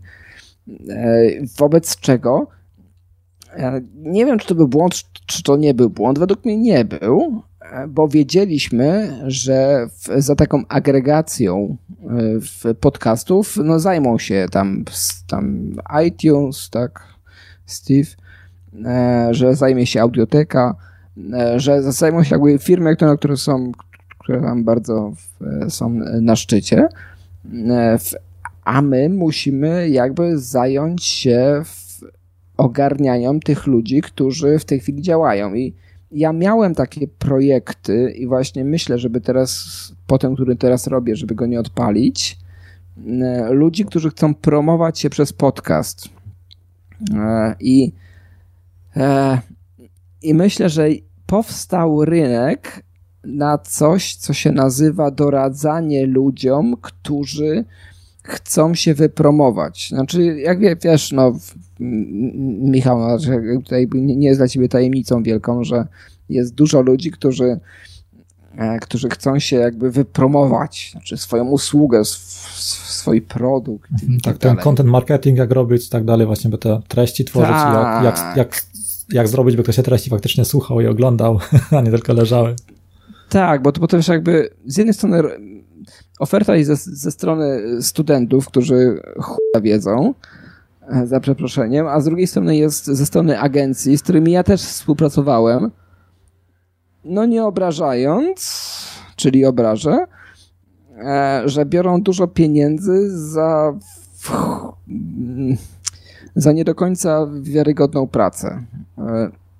E, znaczy, że puszczają po prostu właśnie swoich studentów. Znaczy, ja mam wrażenie teraz takie, że agencje e, reklamowe e, dla tych marek, które nie są tam na topie bardzo, tylko dla was, puszczają właśnie, zatrudniają studenta i puszczają go do waszej marki, żeby hej, wypromuj go coś tam, tam puść mu parę postów na Facebooku i w ogóle to, to się kupy nie trzyma i tak dalej. No, a kosztuje to kilka tysięcy złotych miesięcznie. No, strasznie to jest żałosne według mnie.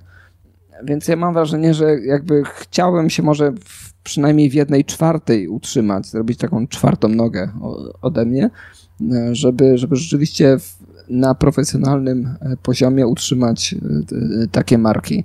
E, ponieważ z tych błędów, o których wcześniej mówiłeś, według mnie a, z błędów. Nie, jakby to powiedzieć tak, żeby e, wszyscy zrozumieli. To znaczy z błędów Nie... kontestacji największe, czy osób? Tak, no z, z kontestacji, tak. Mhm. E, że nie wiem, no kurde, bo nie mam porównania. Nie, okej, okay, powiem ci, że nie wiem, e, bo gdybym miał porównanie do innego radia, ponieważ okej, okay, wykop, wykop.pl, nie, jakby serwis, który jest wszystkim znany, porównuje się do serwisu, na którym tam y, ten, e, na, na którym wyrósł, tam Dick.com chyba. Tak, Dick.com, a teraz chyba Reddit głównie na tym się wzoruje. No dokładnie, ale, ale Dick upadł. Wykop istnieje i bardzo fajnie jest jednym tam z czołowych top, top ten serwisów. E, można porównać. Kontestacji nie wiem do czego porównać. Bo, no, no, no nie wiem. No. Zamorduj mnie, ale nie wiem do czego porównać e, wyniki kontestacji w w świecie, ponieważ no, nie widzę drugiego takiego radia i całej tej y, otoczki wybudowanej wokół niego, y, żeby można powiedzieć, że my poradziliśmy sobie gorzej albo lepiej y, niż oni. Bo nie wiem. No też mi nie przychodzi nic do głowy, może jedynie e, Free Talk Live, o którym wspominaliśmy, ale to, no, ale, też, to, to no, też nie jest okay, do końca ale... to, nie? bo to jest właśnie tylko radio, a wy macie jakby agregator e, wokół, ale, wokół ale, ale, ale, okay.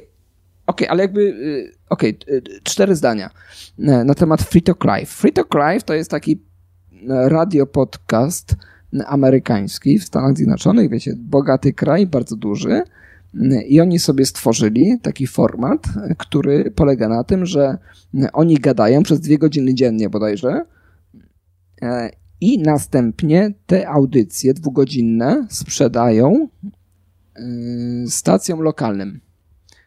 A lokalna stacja to jest taka na jeden stan, a jeden stan to jest taka jak jedna Polska. I oni te wszystkie tam, na, tam kilkadziesiąt stanów sprzedają i one tam idą i one idą z reklamami i tak dalej. No to jakby co porównywać w tym momencie. Znaczy, że ja bardzo chętnie bym gadał dwie godziny czy trzy godziny, czy oni teraz trzy godziny chyba e, gadają e, w, o treściach e, wolnościowych, po czym sprzedają to stacjom lokalnym, powiedzmy tam 40, które im płacą jakieś tam pieniądze każdego dnia. No to no, no nie, ma, nie ma takiego modelu w Polsce. No, no faktycznie, mamy nie wiem jakby to przełożyć teraz, kto, kto, by, to, kto by to puścił. Kilkanaście, wo, kilkanaście województw, z których każde nie ma swojej stacji e, w radiowo-telewizyjnej, też no telewizyjną ma, ale e, radiowej, więc no jakby to jest zupełnie inny model. No nie da się. No właśnie. E, kontestacja w RMFFM, jakoś nie widzę tego. No, a wiesz, przez, przez rok pracowałem w Open Space akurat z, z ludźmi z RMF-u, bo, bo, bo miałem taką okazję. E, I, I też byli jakby bardzo wkur na swojego pracodawcę, który ich e, przejął i jakie tam zadania przed nimi wskazywał. Ale więcej nie powiem, no bo to oczywiście tajemnica firmowa. Okej, okay, to myślę, możemy zamknąć ten temat i teraz do do reklamy, e, marketingu, z tym ma dużo osób problemy, że stworzą coś, nie wiem, mhm. jakiś, jakąś, jakiś program, czy właśnie jakąś e, audycję, podcast, czy radio, jak w waszym przypadku. I teraz jak to reklamować, jak zrobić, by to dotarło do ludzi i właśnie jak, e, jak reklamujecie kontestację, jakie są efekty i co według ciebie z tego, co robicie, najlepiej się sprawdza? No to dwojakie pytanie. Z jednej strony taką historyczne. U mnie osobiście najlepiej się sprzedały e-book. E, zapraszam e, do cholery, do cholery.pl i to był e-book. Robiliśmy wiele tam, znaczy, znaczy mnoga liczba. Robiłem e, wiele akcji marketingowych, ale jakby do cholery.pl no tak by przebiło wszystkie. To był e-book, który był stworzony z tekstów z bloga E, Kamila Cebulskiego, naszego przyjaciela. E, powiedziałem mu, Kamil, hej, e, robisz fajne teksty na Facebooku, na tym, na, na blogu, to ja może zbiorę kilka fajnych i zrobimy z tego coś, coś fajnego. Powiedziałem, e, spoko, nie ma, nie, nie ma problemu. Więc zebrałem teksty w ten sposób, że jeszcze zrobiłem taką akcję wśród ludzi, że hej, wybierzcie najlepsze teksty, z jego bloga, bo ja wszystkich nie kojarzę i ja wam dam coś tam w zamian. Więc oni jeszcze tam wynotowali kilka takich fajnych e, tekścików i podzieliliśmy to na dwie kategorie do kolory.pl e, i, e, i wystawiliśmy no, na, na landingu i tak dalej. No i jakby to było jedyna, jedyne miejsce, które reklamowane na Facebooku, tak płatnie już, zawsze generowało wielkie wejścia to było, to było niesamowite, że jakby wszystkie inne się wypalały w pewnym momencie, a do cholery e, wciąż jakby funkcjonowało. E, więc to jest jakby najskuteczniejszy sposób pozyskiwania przez nas, chyba nie jest tajemnicą wieką, e, w adresów mailowych. Mhm. Czyli to był darmowy e-book, którego można było pobrać za zostawienie adresu e-mail i było to reklamowane głównie przez tak. Facebooka. No, dokładnie. No, to jakby zero finezji. Znaczy, że to, to, to jest... Był fajny tytuł, fajny podtytuł. I to jest ważne, to czego ludzie bardzo rzadko tam nie zauważają. Okładka jest mniej ważna, ważny jest tytuł i, tytuł i podtytuł, albo tagline. E, I no i tak, no jakby to, to, to zabierało kilka tysięcy ludzi. Znaczy ja mam teraz, żebyście jakby wyważy, wyważyli skalę, nie? E, że ja mam teraz 23 tysiące ludzi w bazie mailingowej, więc to jest jakby mój punkt odniesienia. Są więksi, są mniejsi. E, więc to wyrobiło, nie wiem ile, ale myślę, że co najmniej 7-8 tysięcy z tego, z tego wszystkiego. E, I to tacy ludzie, wiecie, którzy nie chcą gołych bab na przykład w mailu, tylko no, chcą coś konkretnego uzyskać, nawet jak nie są, nawet jak nie zapłacili za nic. no więcej rzeczy, no to kurde, no to już no. Konsultacje poproszę. E, właśnie no- kontestacje to też same z siebie, wiadomo, to się nie stanie popularne. Jak, jak, starali, jak staraliście się popularyzować właśnie te radio internetowe? Bo tam słyszałem właśnie, że duży taki boost otrzymaliście, jak było chyba te protesty przeciwko ACTA, to było wtedy? E, mhm. Czy jakie właśnie były takie akcje, które największego, e, najbardziej rozpromowały kontestację? Kontestację najbardziej rozpromowała rzeczywiście pierwsza akcja Donalda Tuska, rejestr stron zakazanych, to się nazywało wtedy. E, to była pierwsza próba cenzury. E, na stronie Kosiński IT bodajże tam jest jakieś mój nagranie z tego spotkania. I w, no i tak, no powiedzieliśmy, że nie. Znaczy, że bo w tej chwili, znaczy bo mamy 2018 rok, nie wiem kiedy ktoś będzie to odsłuchiwał, E, że mamy teraz e, debaty akta, akta, akta 2, akta 5 e, co chwilę, co parę tygodni.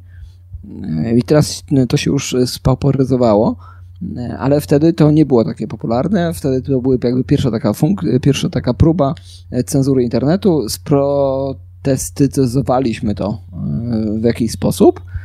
E, I zrobiliśmy właśnie protesty w internecie, w, poza internetem, w środku zimy, w ogóle umierając zimna e, w tej chwili i e, taki event, powiedzmy, tak, tak, tak by dzisiaj marketing manager powiedział, taki, zrobiliście taki event antycenzury.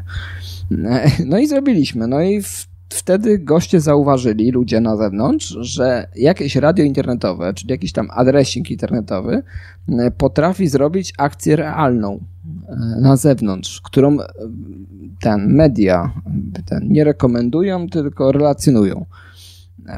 I akurat ta, to, bo, bo tam była z jednej, z jednej strony protest przeciwko cenzurze internetu, a z drugiej strony przeciwko VAT-owi. Tam była podwyżka VAT-u 23%. To była ta to wiecie, ten tymczasowa podwyżka tak. w Tymczasowa VAT-u, dwuletnia na 10 lat. Tak, która już była właśnie w czasie tworzenia kontestacji, czyli 8 lat temu. Ta tymczasowa 8 lat temu, e, która właśnie była tam robiona w temperaturze minus 40 stopni i pojawiło się więcej dziennikarzy niż uczestników. E, no ale jak dziennikarz przyjdzie na taką manifestację, no to mówi, że no, skoro już tu przyszedłem, to nie powiem, że przyszedłem na, na darmo, nie, że trzy osoby się pojawiły, więc pokazali tam, te, tam 30 osób pewnie, które gdzieś tam szły w, obok. E, nie, to, nie, bo to jest wszystko takie głupie, że a, aż mi żal tego to opowiadać. E, bo jestem dziennikarzem jakby z, z tego, z wykształcenia i z zawodu. I wiem, widzę, jak to, jak to wszystko funkcjonuje. E, no ale no, w ten sposób powstała, powstała e, kontestacja, e, że coś takiego zrobiliśmy, takie eventy i no i funkcjonujemy do dzisiaj. No. W sumie nie wiem, może zaostrz pytania. Może jak, jakieś wasze stałe kanały promocji, gdzie promujecie właśnie nowo powstałe audycje? Czy jest to głównie Facebook, czy może Facebook, mm. jakieś mailingi, czy co tu jeszcze wykorzystujecie? Na fanpage'ach swoich, tak, to nie ma wielkiego wyrafinowania. Czasem jakiś mailing pójdzie. No jak, jak mówiłem, no 23 tysiące ludzi tam siedzi na mailingach e, i to nie są przy, przypadkowi ludzie, znaczy jakby to są ludzie, którzy e, którzy albo A coś kupili u nas e, kiedyś, albo zasponsorowali, albo się właśnie zapisali na jakieś takie e-booki, które są które są bardziej ważne niż, niż mniej ważne, czyli właśnie tam e, do cholery.pl czy okiem milionera. E, no, no takie, no, żeby się tam, znaczy, bo zapisują, okej, okay, taka rada biznesowa, zapisując ludzi na, na mailingi bez sensu, no nie ma sensu, ponieważ za to płacisz. Więc nie chcieliśmy ludzi przypadkowych, więc siłą rzeczy odsiewamy ludzi, którzy nam się nie podobają, e, żeby tylko i wyłącznie na, na, na tych bazach mailingowych były osoby, które w, no, no, no, to, które nam pasują, no, więc żeby odstraszyć od tego tam okiem milionera czy coś e, ludzi, którzy przypadkowo tam przyszli, żeby se, żeby se poszli. No, to jest też w sumie ważna rada, bo z tymi mailingami chyba w przypadku mailingów jak nigdzie indziej trzeba patrzeć na, na jakość tych osób, a nie na ilość, bo nie dość, że to nie działa, to jeszcze mamy dużo większe koszty przez to, jeżeli tu mamy przypadkowych ludzi. No to właśnie tu masz, większe doświadczenie. bo ja tak testuję już od tych lat X e, w tej we więc tak, generalnie ograniczanie ludzi na swoich bazach mailingowych bardzo popłaca, no tylko każdy nie ma odpowiedzi na pytanie, w którym momencie to ograniczenie powinno nastąpić. Że kto już nam nie pasuje, a kto jeszcze nam pasuje. Już chyba przeszliśmy przez wszystko. Na koniec chciałem tylko zapytać o właśnie twoje plany na przyszłość e, związane z kontestacją i może swoimi innymi projektami. Czyli czas na reklamę. I, pewnie, pewnie. I, no i ja mam w sumie dwa tak naprawdę. E, jakby kontestacja nie chciałbym jej zaorać, znaczy, bo jakby świetnie funkcjonuje. Na zasadzie, że w kontestacja.com cały czas dostaje nowe, nowe informacje od ludzi, e, że przesłuchali, że coś tam, że zmieniło ich życie i tak dalej, i tak dalej. E, no dlatego no szkoda, no, nawet jakby to było deficytowe, no to a jest, e, to, no to szkoda, szkoda, szkoda orać, no powiedzieć, że hej, nie, już, już, już nie będziecie tutaj. E, więc to jest taki e, projekt niekomercyjny, chyba tego nazwę. E, a z drugiej strony, no od jakiegoś czasu rozwijam w firmę w Kosińscy, to żeby już tak całkiem się zindywidualizować w .it, IT, która ma wyłuskiwać z rynku testerów oprogramowania czy, bo wszyscy, wszyscy są teraz bardzo zafiksowani na deweloperów, na programistów, że to wow, Mateusz, ile to ty nie zarabiasz? No, 15 tysięcy miesięcznie. No co najmniej. Po prostu netto i po prostu jeszcze premię. E, I w ogóle zostań programistą. To, to był taki trend jeszcze, wiesz, takie ten, generacja X taka wstecz, a teraz generacja Y jest taka, że teraz programiści, ło, ile oni nie zarabiają? No, nie 15, ale 8, nie? Ale na wstępie. E, więc nie, nie zarabiają ani jedni, ani drudzy, tyle na wstępie. E, więc jakby w podkosińsce IT zrobiliśmy taki projekt już tak teraz na poważnie, E, wdrażania testerów, e, testerów e, oprogramowania i użyczania ich innym firmom, żeby to współpracujemy z firmami i jeżeli ktoś na przykład ma może w ten sposób prędzej. Jeżeli ktoś ma problem z weryfikacją techniczną, czyli z sprawdzeniem, czy dany tester jest kumaty, to my sprawdzamy, czy jest kumaty. O, to jest nawet dosyć proste hasło. Jeszcze takie jakby codility e, dla, dla testerów, tak można to. Tak, no jakby codility jakby obiecuje teraz w reklamach, z tego co widziałem, że e, kurs z gwarancją pracy. O, odważnie polecieli chłopaki. To znaczy, nie wiem, czy teraz się dobrze rozumiemy. Codility to kojarzę jako narzędzie do sprawdzania programistów, że oni to takie testy programistyczne mają. A to czekaj. To, to, nie, może po, pomyliłeś z jakąś szkołą programowania typu Codila chyba jest tak, podobna. Tak, tak. Kody, Codila, okej. Okay. A, tak. no widzisz, jakie te proste nazwy. No, Codility chodzi, chodzi, że to właśnie jak, jak e, miałem e, rekrutację właśnie do, jako programista w Hamburgu jeszcze w 2013, to mhm. właśnie w ramach rekrutacji na początku była rozmowa, a później był test w Codility, tam dostałem jakieś zadanie do rozwiązania i tam było właśnie e, później na podstawie tego, jak rozwiązałem, to pracodawca widział e, na podstawie jakiegoś tam raportu, teraz nie wiem jak to działa, jak podchodziłem do zadania, co tam pisałem, jaki kod, to, to po prostu takie narzędzie online do sprawdzania e, technicznych skilli programisty. I jak oceniasz? Bo skoro, skoro, skoro gadamy na. E, szczerze, tych, znaczy nie, nie, wiem jak, nie wiem jak teraz, bo to, e, to było 5 lat temu. I no, pamiętam, dawaj. że zrobiłem sobie parę przykładowych testów, bo tam można sobie za darmo e, jakby poćwiczyć przed tym właściwym testem. Mhm. I wychodziło tak, że jest takie zadanie i generalnie albo wiem, jak je rozwiązać, albo nie. I na przykład zrobiłem trzy zadania i tam dwa miałem bardzo wysoko ocenione na 80%, jedno 100, a jedno miałem chyba na zero, bo kompletnie nie wiedziałem, jak je ruszyć. Czyli według mnie to tak nie, nie, nie pokazuje, że o, ten radzi sobie trochę, ten, ten słabiej, tylko to jest takie trochę takie binarne. I nawet e, rozmawiałem o tym Codility z kolegą w pracy, z takim seniorem, takim naprawdę ogarniętym w firmie. I on też mówi, mhm. że on też parę zadań sobie włączył i sporo było dla niego banalne, a były takie kierowane do początkujących, które nie potrafią ruszyć, czyli też taka ruletka, jeżeli by trafił na takie po prostu, która nie wie jak ruszyć, bo na przykład ma dużo rzeczy związanych z matematyką, a on jako programista na przykład niekoniecznie ten dział matematyki ogarnia, ale tą e, tą warstwę programistyczną ogarnia i tego zadania po prostu nie, nie ruszył, że nie było to do końca miarodajne. Byłeś cienki, czy byłeś dobry? Znaczy, jak, jak pamiętam, że tak jak rozwiązałem te zadania rekrutacyjne, no szczerze nie byłem z tego zadowolony, ale wynik, e, który uzyskałem był na tyle dobry, że zaproszono mnie na rozmowę już na miejscu, czyli chyba wypadłem dobrze. No i zarabiasz dużo teraz, jest okej. Okay. A różnie bywa, są gorsze miesiące, są lepsze. Teraz staram się właśnie e, z autorskich projektów tak jest, że na przykład w danym miesiącu nagle wpadnie kupa kasy, a później są miesiące chudsze, bo sam podobnie masz doświadczenia właśnie z autorskimi projektami, że na początku jest, taka, jest taki pik do góry, Później, pro, później produkt powoli umiera i trzeba znowu nowy tworzyć. A, to jest, kurde, no, sprawia, że jakby mamy podstawę do e, paru innych rozmów na, na paru innych jeszcze tematach. Znaczy pewnie, jeszcze, od... jeszcze mogę tak, tak w sumie jako ciekawostkę właśnie, e, jak no, o to no. pytasz, że właśnie w 2017 jeszcze jako, jako freelancer trochę sobie dorabiałem właśnie z programowania e, do, do, do moich autorskich projektów, a w 2018 wygląda już na to, że cały rok się potrafię utrzymać z tego, że tylko tworzę autorskie projekty, że idzie w to dobrym kierunku, myślę. Ja, taki freelancer całoroczny, to mi się podoba. Znaczy nawet nie freelancer, który robi zlecenia dla kogoś, tylko tworząc autorskie projekty tak naprawdę, że właśnie z tego, co autorsko udaje się stworzyć, udaje się z tego utrzymać. To jest taki po prostu mój ostateczny cel, by nie robić, e, nie, nie być przywiązany do tego, by robić zlecenia dla firm jako freelancer, tylko rozwijać e, własny projekt, na przykład jakąś grę indie sobie robię, tutaj właśnie tą karciankę wydam czy coś i że te mhm. autorskie projekty mnie utrzymują.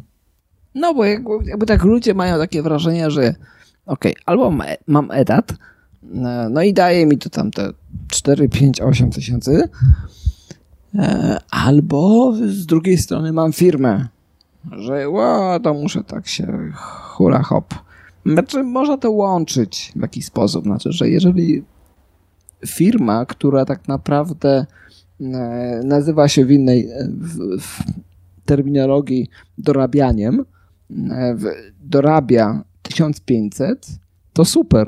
Tylko, tylko wiecie, tylko nie rzucajcie dla 1500 w pracy, która daje szóstkę na przykład. No bo to żyjemy, żyjemy w takim kraju teraz, że to jest bardzo w, wrażliwe na to, na to, ile zarabiacie. No trzeba zarabiać w Polsce, no nie wiem, no jeżeli żyjecie na, w normalnych warunkach, czyli w sensie nie, nie korzystacie z mieszkania komunalnego, tylko z normalnego, nie, nie kradzionego, no to przynajmniej w 4000 na głowę, 3-4 tysiące na głowę trzeba mieć na rękę.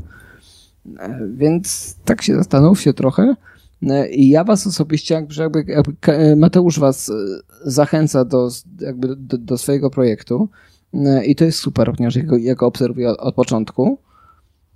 A z drugiej strony, no jeżeli w, kosińscy IT was zachęcą, to ja was teraz zniechęcę. Znaczy, że ja, ja powiem, że bardzo dużo ludzi, czyli więcej niż połowa, się nie nadaje do tego do projektów bycia testerem e, oprogramowania. Jak już doczytacie, kto to taki jest.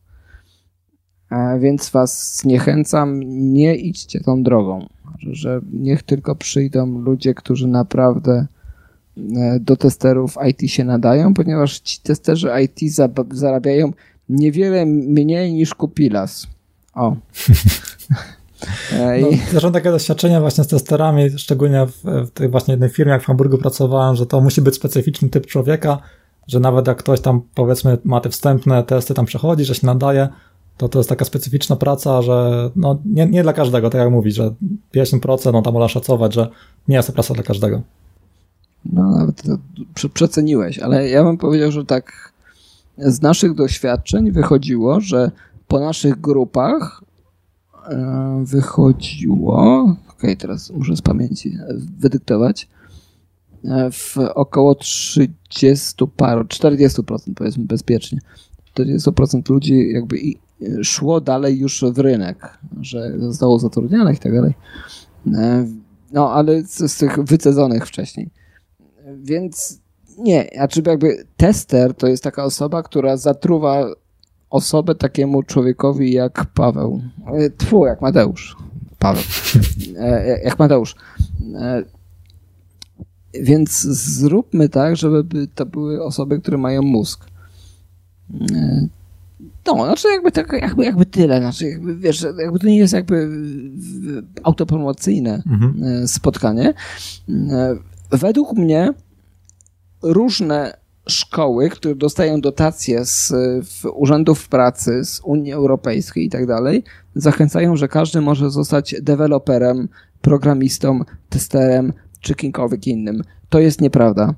E, I moim zadaniem, i mam nadzieję, że Twoim też, mam głęboką nadzieję, powiedzieć im, że nie, nie jest to prawda. E, nadaje się do tego z moich statystyk, z tego co wynika, 30% tych ludzi w ogóle ma rację bytu na rynku. E, I my chcemy przygarnąć tyle ludzi. Ty masz misję z kolei, żeby wyszkolić no, całą resztę. Więc jakby go on. Czyli to jest twój jeden z tych projektów na przyszłość. Już, już jest właśnie, już działa i go rozwijasz i to jest projekt dostępny pod kosińscy.it, tak? To wszystko Tak, jest. No, jakby jest, jest dostępny, jakby zmieniamy stronę tak właśnie, do, dokładnie jakby w tym trybie, czyli zmieniamy stronę co kilka tygodni, żeby dopasować do, do aktualnych warunków e, rynkowych w, ponieważ jakby teraz mnie złapałeś w, w, w powrocie jakby z Gdańska, z, z konferencji testerów, gdzie jakiś ten samolot jest jakieś piątej rano, w ogóle wiesz, tam się pojawić o trzeciej nocy, jakby straszne jakby warunki I, i człowiek potem jakby czuje się trochę rozbity. E, I do, nie wiem do końca, E, jakich odbiorców, ponieważ jakby współpracujemy ze sobą od jakiegoś czasu, ale nie wiem do końca, jakich odbiorców masz wśród swoich odbiorców. E, niemniej, e, jeżeli ktoś chciałby zostać testerem oprogramowania, to może zrobić trzy rzeczy. Może iść i uczyć się sam. Udemy no bardzo dużo, tam książek parę jest z Helionu wyda, wydali. Albo B, iść e, na szybką szkołę kursu, albo trzy, iść na akademię, e, politechnikę i tak dalej, mm, żeby się nauczyć programowania, e, albo cztery, którego nie, nie wymieniłem na wstępie, przyjść do nas i się spytać po prostu, że co jest najwartościowsze i mam pełną odpowiedzialność, że nie mamy żadnych umów ani z politechnikami, ani ze szkołami, że nie dostajemy prowizji za, za wstęp. Więc można się spytać i powiedzieć, że hej, chcę zostać testerem. Wczoraj do mnie w, nocy napisał gość, że jestem kierowcą, coś tam, coś tam i chcę zostać testerem. No i dajemy taką poradę, no. Rety, no, za darmo akurat. Zarabiamy później, żeby, żeby, żeby nie było, czy nie, żeby nie ściemniać, nie? że hej, jesteśmy e, charytatywną organizacją, e, zarabiamy później i możemy jasno powiedzieć, na czym zarabiamy. E, jest szansa według mnie. Znaczy, że jeżeli jeszcze. No dobra, jeszcze dwa zdania. E, dwa, e, patrzyłem na zawód kolejarza, który e, do tego roku jeszcze, być może nie każdy wie, był opłacany przez firmę. Znaczy, że jeżeli ktoś chciał być kolejarzem, to mógł zostać opłacony głównie przez PKP Argo, PKP Cargo, żeby dostosował się do swojego zawodu i Intercity też tam e, w, trochę się dokładało. I oni płacili za to, że przez dwa lata ci goście odbywali kurs szkolenia się na kolejarza. Teraz już tego nie ma. Przegapiliście, sorry. E, wobec tego jakby bądźmy na bieżąco, jeżeli chodzi o testerów e, i no jakby korzystajcie. No, no, no jakby macie kilka miesięcy na decyzję. No to, tą inicjatywę na pewno y, będzie ta inicjatywa podlinkowana pod audycją. Jest to 34 odcinek podcastu, czyli retrospektywa.com, kośnik 34. Tam to będzie na pewno podlinkowane. Jeszcze coś chyba, e, z tego co kojarzę, jakąś książkę piszesz, Hugo, tak? Tutaj też myślę, że muszę coś wspomnieć. Myślisz, Jeżeli masz ochotę. Dotrwał do tej moment, tego momentu. E, e, tak, tak, tak, tak, tak, tak. Biur Wolandia.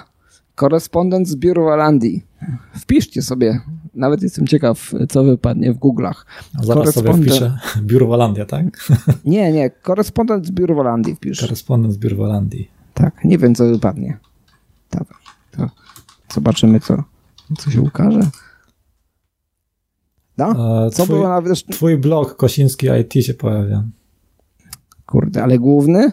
Tak, pierwsze trzy Fuck. linki. Fuck. Później jakiś Facebook, Facebook, do końca no strony Facebook. To będę bardziej drążył. Biuro Walandia, korespondent.pl Tak, to jest, to jest książka, która jest, jakby to powiedzieli w tych talk showach, niesamowita, bardzo osobista. Amazing. I, amazing. you are so special. E, I, e, to jest książka, wytrąciłeś mnie z promocji, e, która jest warta nabycia. Czyli Biuro Wolandia, korespondent.pl nad którą pracowałem przez ostatnie trzy lata. I i według mnie to jest dobra książka na danie komuś i pokazanie, że socjalizm jest zły. O, może tak. Tylko nie w sposób taki, wiecie, taki, taki że napadowy, taki, że, że mówić może, o, Stalin był zły. Nie, tylko, tylko Korwin. Taki, no właśnie. E, tylko taki, żeby mu wyliczyć wyliczyć mu poszczególne tam e, e, aspekty i tak dalej i jakby demo wersja będzie już dostępna, kiedy słuchacie tego nagrania.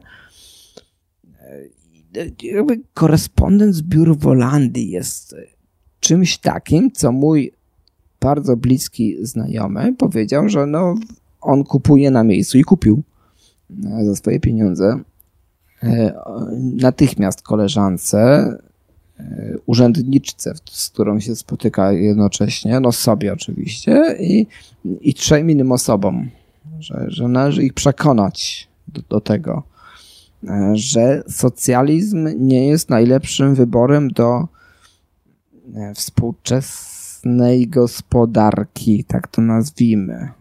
A, zjedno, a jednocześnie, żeby nie mówić Hitler w co drugim zdaniu. Tak. Tylko żeby tak tak logicznie trochę, no i strasznie długo nad nią siedzieliśmy i to jest okej, okay, no to już jakby nie będziemy się znowu dzielić swoimi żalami, bo, żalami, bo nad każdym projektem każdy długo siedzi i każdy chciałby się podzielić, że ło, tak długo pracowałem, a tyle wyszło, więc zobaczcie ile wyszło, może tak.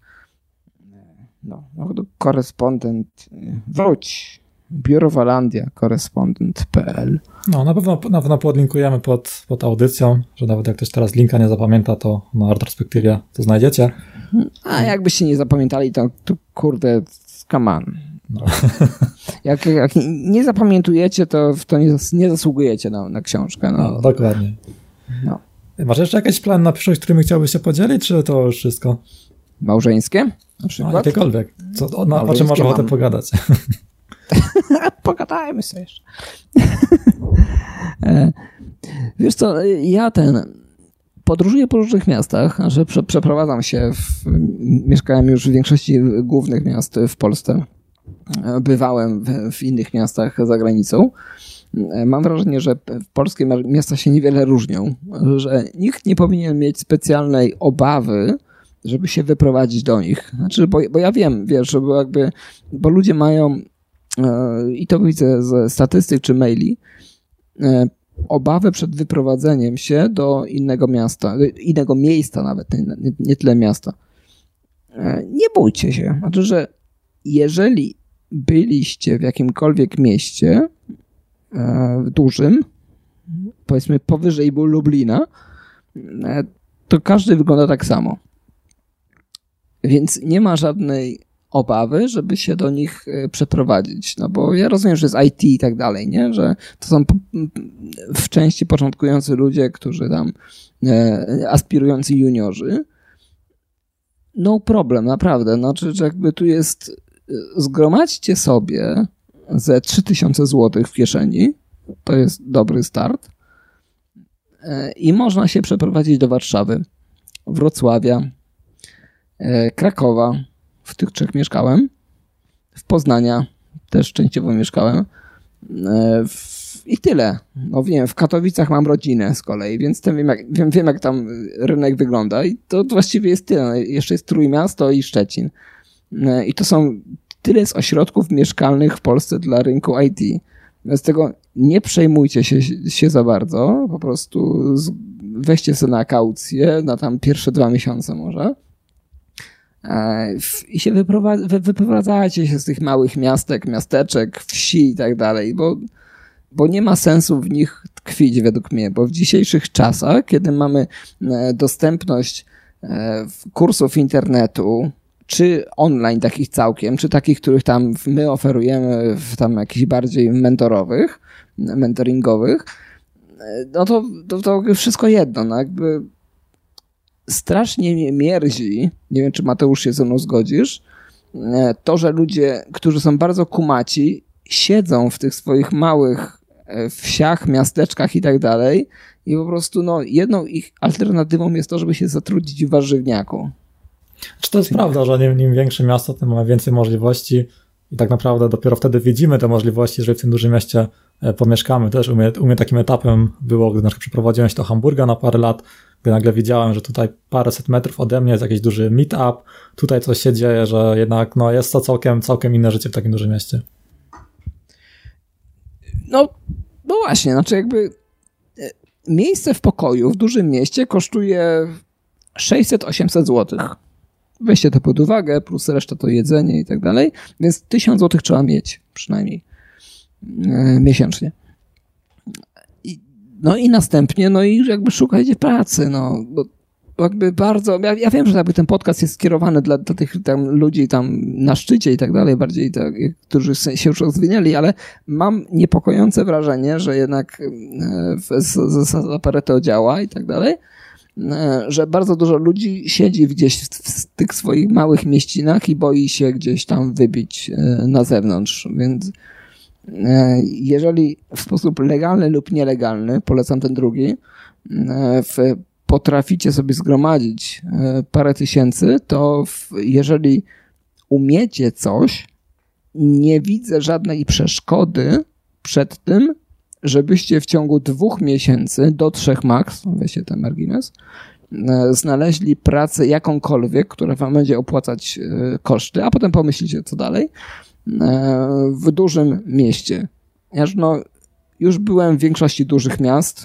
E, tak, Szczecin, Gdańsk, Poznań, Wrocław, Warszawa, Kraków, Katowice. No to ile jeszcze zostało? No chyba nie Rzeszów i Lublin. E, no, znaczy w Rzeszowie też byłem, ale tylko przejazdem. E, I bardzo fajne miasto, żeby nie było. Rzeszów jest bardzo super, super miasto. Czy Białystok? Właśnie w, Bia- Białymstoku w ogóle nie byłem. Rzeczywiście, tak. tak ja pozdrawiam ale... Maćka Aniserowicza z Białegostoku. Znajomego wspólnego. E, ale okej, okay, no jakby nie planujcie jakby kariery w Lublinie czy w Białymstoku na początek. No, nie stoi nic na przeszkodzie. Znaczy jakby żyjemy w czasach, gdzie tak jakby trochę e, niesiemy tak jak tak w lalce, nie? Że jakby kaganek oświaty, że możecie się nauczyć w kilka miesięcy nauki programowania albo testowania e, i możecie wyskoczyć w rynek pracy, e, a nie być e, ekspedientem w warzywniaku czy w spożywczym waszej miejscowości. I teraz to jest takie rzucenie w przestrzeń, że takie podcasty tego typu czasem się rozchodzą zupełnie w sposób nie, nie, ten, niekontrolowalny, nie, niesynchronizowalny, więc mam nadzieję, że jeżeli ty jesteś tą osobą, która właśnie żyje w jakiejś takiej miejscowości typu, czekaj, kiedyś miałem przez długi czas e, dziewczynę e, w Przeciszowie, Przeciszów, możecie sobie znaleźć. To jest taka miejscowość pod Oświęcimiem. No, I to jest taka miejscowość, która ma, to nie wiem, może ze 100 domów albo ileś tam. ma jedną parafię i tak dalej. No i okej. Okay. I jeżeli jesteś z takiej miejscowości na przykład, to pomyśl przez chwilę, czy trzeba by nie wyjść na poziom wyżej, żeby nie wyjechać do Krakowa. Wiecie, Przeciszów, Oświęcim, Kraków, to obok, obok są te miejscowości, żebyś tam nie wyprowadzić w momencie, jak nie zgromadzicie, żeby, to ważne, żeby jak nie zgromadzicie paru tysięcy złotych w kieszeni i wtedy nie, nie wydam na, na, na coś, tylko że pójdę i wydam na wynajem. O. E, I poszukam pracy. E, I takim ludziom ja swoją drogą chciałbym pomagać. Tylko takich, którzy już skończyli jakieś tam kursy po drodze. E, I chyba się rozgadałem. Tu myślę, może Mateusz na, na, skończ. na koniec jeszcze dodam, że ze swojej strony polecam jeszcze tak, taki mindset, że na przykład no nie musi to być wyprowadzka na zawsze. Też na przykład po, jak skończyłem inżyniera na studiach, to stwierdziłem, że zamiast teraz robić magistra czy coś na miejscu, to pomieszkam sobie parę lat za granicą. I tak spędziłem 3 lata w Hamburgu i według mnie te, te 3 lata w Hamburgu mi dały więcej niż myślę taki, takie studia magisterskie kiedykolwiek by mi dały, że polecam właśnie spróbować gdzieś pomieszkać trochę dalej, dalej od rodziny, tak trochę oderwane się, rzucić trochę dalej. E, niekoniecznie musi to być od razu Tajlandia, by spróbować sobie e, nawet na parę lat takie doświadczenie według mnie jest mega wartościowe i no nie warto bać się, bo to, to, to jest żadne ryzyko, to co ostatecznie stracimy te parę tysięcy i wrócimy, tyle. Tak, i jakby znaczy, weźcie sobie parę, parę tysięcy, naprawdę. Znaczy, to nie jest konieczność. Możecie iść bez tego. Okej, okay, ale nie polecam tego, ale weźcie sobie parę tysięcy złotych, naprawdę. Pięć byłoby perfekt. Jak mniej, to troszkę mniej perfekt. E, bo to nie ufajcie. Ja jestem dziennikarzem, naprawdę z wykształcenia i z doświadczenia. E, I wiem, jakie są, są tam manipulacje, jakie są po prostu zlecane zlecenia przez różne firmy. I jak ktoś mi za to kiedyś zapłaci, to ja to opiszę ale weźcie sobie to i się nie bójcie, że ktoś was, nie wiem, weźmie i umieści jako prostytutkę w, w burdelu w Berlinie po prostu, bo takie jest jakby główna narracja też me, medialna. Zastanówcie się sami, nie kładźcie pieniędzy od razu, tylko miejcie je e, i no i zadziałajcie swoim życiem. Znaczy, Mateusz mówi tutaj, żeby za granicę. Ja nie, nie mówię. Znaczy, niekoniecznie za, za granicę. Chodziło mi o jakieś duże miasto, na przykład w moim przypadku to był Hamburg, bo akurat ten niemiecki dobrze znałem. No, no i wiecie, no jakby są miejsca, które, które bardzo kanalizują e, w pracowników IT. E, no i jest to Wrocław, jak najbardziej pierwsza, pierwsza z rzędu, jest to Warszawa, druga z rzędu. W Śląsk cały to jest to jakby bezpieczeństwo IT, e, to jest jakby trzecie z rzędu i potem jest cała reszta. E, I no, no jakby nie siedźcie w tym swoim Lublinie, nie, nie wiem, tam w Wąchocku, no gdziekolwiek. E, skoro zarabiacie, to postarajcie się odłożyć 200 zł miesięcznie, żeby po dwóch latach mieć jakby już tą prawie piątkę na to, żeby rzeczywiście gdzieś wyjechać i z tej prowincjonalnej Polski się trochę wyrwać, bo ta prowincjonalna Polska jest ujowa. Tak powiem i nie wstydzę się tego, ponieważ jest ujowa i mentalność tej prowincjonalnej Polski też jest ujowa. Ale jak wam pasuje, nie ma problemu. Dajemy tylko tutaj rozwiązanie. Pewnie, fajnie wyszło trochę, trochę porad życiowych na sam koniec i myślę, będziemy kończyć. E, super, że Hugo, że się podzieliłeś swoimi doświadczeniami, nie tylko, nie tylko e, o kontestacji, porozmawialiśmy o trochę o paru innych tematach. Na koniec wyszło trochę tak życiowo i może w przyszłości, jak jakiś, nie wiem, inny projekt odpalisz, coś ciekawego, to może znowu coś nagramy. Amen.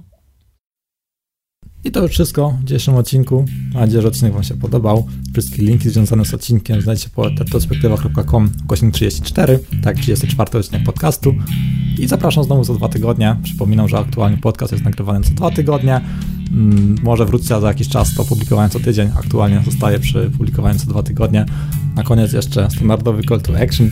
Jeżeli podcast Wam się podoba, daje Wam jakąś wartość dodaną i chcielibyście go wesprzeć, to zapraszam pod retrospektywa.com ukośnik wsparcie. Tam możecie zobaczyć, jak możecie wesprzeć podcast, na przykład kupienie mojej książki lub e-booka Junior Developer, czy wspomnianej na początku już gry karciane IT Startup gra karciana.